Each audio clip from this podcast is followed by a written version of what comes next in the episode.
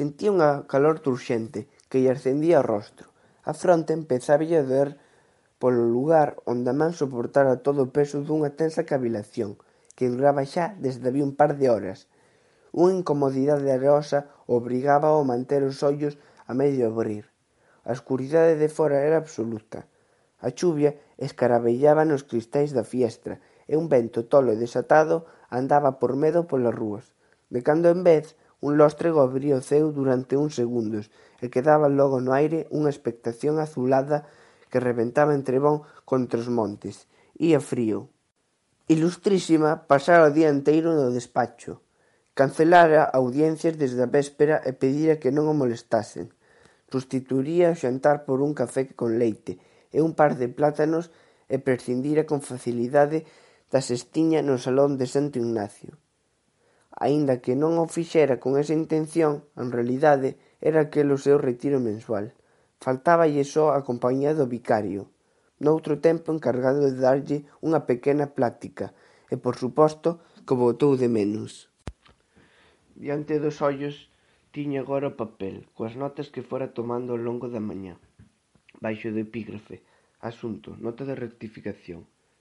Escribira, cousas odiosas para Deus, Seis cousas aborrecía ve, e inda sete abomina a súa alma: ollos altarneiros, lingua mentireira, mans que derraman sangue inocente, corazón que trame inquidades, pés que corren depresa cara ao mal, testemunha falsa, que difunde calumnias e ercende xenreiras entre irmáns.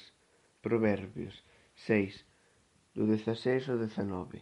Estaban escritas con letra firma e clara, coa alma de quen busca na serenidade da escritura axuda para o pensamento.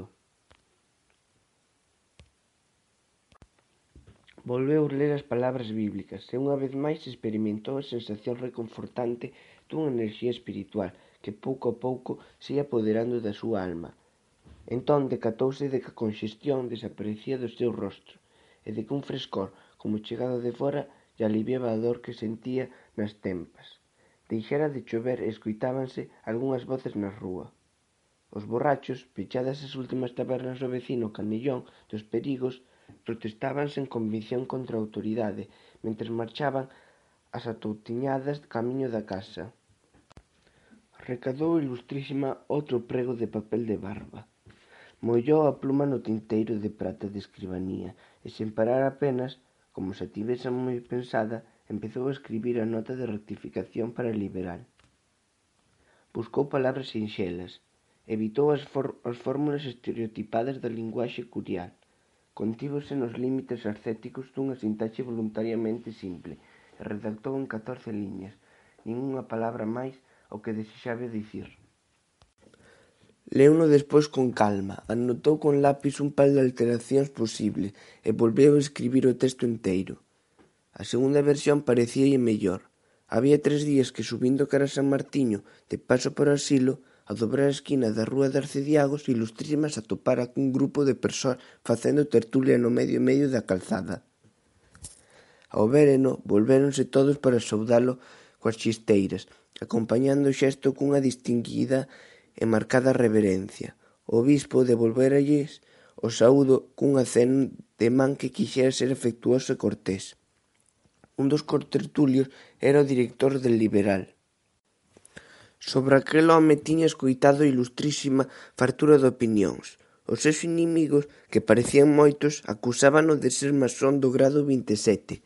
Aseguraban que era discípulo do filósofo alemán Krauss e denunciábano como anticlerical teimudo e furibundo.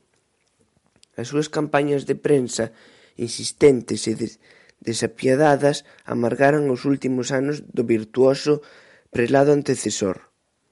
Os amigos, en cambio, loaban o seu sentido da amizade, a rectitude da súa conducta e a finura e a delicadeza no seu trato.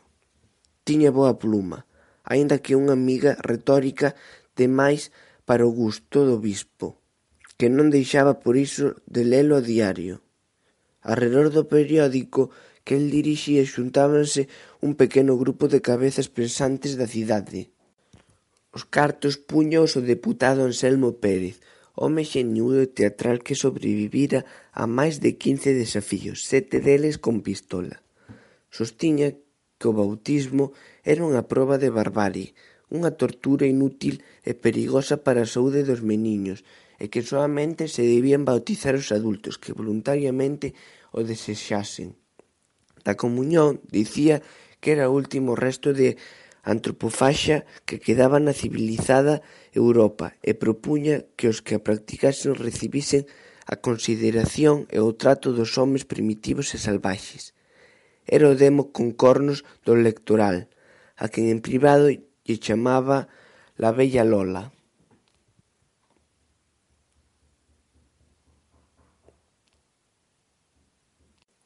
Metía moita bulla en Madrid e mantiña co Curia desde había anos un preito interminable por culpa das campás da catedral, o toque das cales quería restrinxir. O seu home de confianza na cidade era don Luis Limia, un abogado coñecido polo mal nome de Perrechas. Estaba no grupo que Ilustrísima sorprendera na rúa. Solteirón irreductible, conquistaran merecida zona de mullereiro. Coñecíanse dez amigas, a maioría delas rústicas. Algúns contábanlle ata dezaoito fillos bravos, todos feitos en tempo de caza, cando o avogado pechaba a consulta por un par de semanas e desaparecía rodeado de cans, coa escopeta ao lombo, a procura dos tocos dos coellos por entre as fragas estoxeiras das montañas, andar a tiros co señor abade da Vilaseca da Raia, noutro tempo bo amigo seu e compañeiro de, de cazatas, Parece que por culpa dunha goldracha que mantiñan a medias e sobre a cal acabaran tendo diferencias, aínda que non era nin se tiña por home de letras, a influencia de Limia no periódico pasaba por ser moi grande. O executor da súa vontade lá dentro era o redactor Vázquez, un antigo seminarista que deixara nome de listo entre os seus compañeiros. Socialmente marxinado polo seu carácter retraído e por un matrimonio forzado, exercía de home na sombra, non se publicaba unha liña no periódico sen que recibise antes o seu visto bo. Das súas ideas sabíanse pouco, pero era público o seu anticlericalismo radical de renegado. Baterase a puñadas por dúas veces co director de La Verdad, a quen se refería sempre como cura honorario, e tiña enfilada a sor Sabina, chamáballe histérica, hembra frustrada, embaucadora e víbora. Ao electoral gañáralle un preito por insultos, bautizárao co nome da lacrán. Unha a unha foron pasando pola cabeza de ilustrísima as biografías daqueles homes. A verdade é que ningún deles lle puña medo, e que incluso non podía evitar miralos con certa simpatía. Non obstante, experimentaba un sentimento que non conseguía identificar. Non sabía se eran dúbidas ou temor, pero unha intranquilidade molesta petaba no seu peito e aceleraba o ritmo de por sí pausado dun corazón que empezaba a mostrar os primeiros sinais de cansanzo. Lembrouse do seu pai, palpando disimuladamente o pulso a hora de xantar. Despois dunha mañá entera de traballo, No despacho atendendo sufrimentos e calamidades, Ilustrísima non se sentía forte. A nota apócrifa dela acababa de aprender que hai feitos na existencia dun home capaces de marcalo para sempre, de alterar definitivamente a súa vida.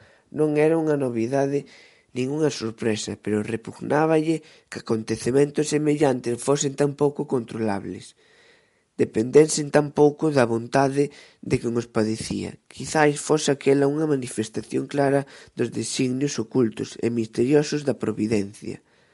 Acordouse do libro de Xó, e unha fervenza de palabras inmensas, grandes como penedos, pasaron pola súa memoria e baixaron encachoada ata os seus labios.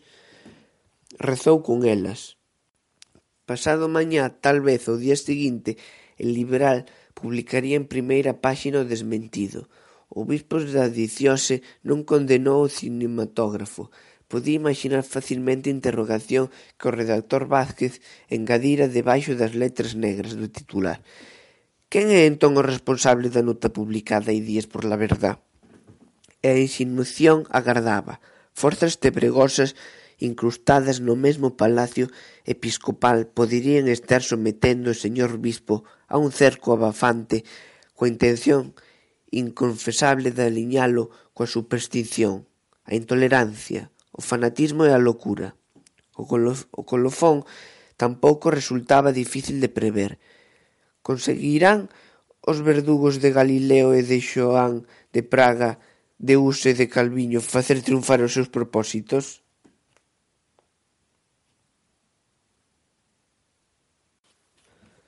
A anticipación certa do futuro levaba ao anónimo de Ilustrísima unha delectación de triunfo, quizais un sabor excitante de revancha.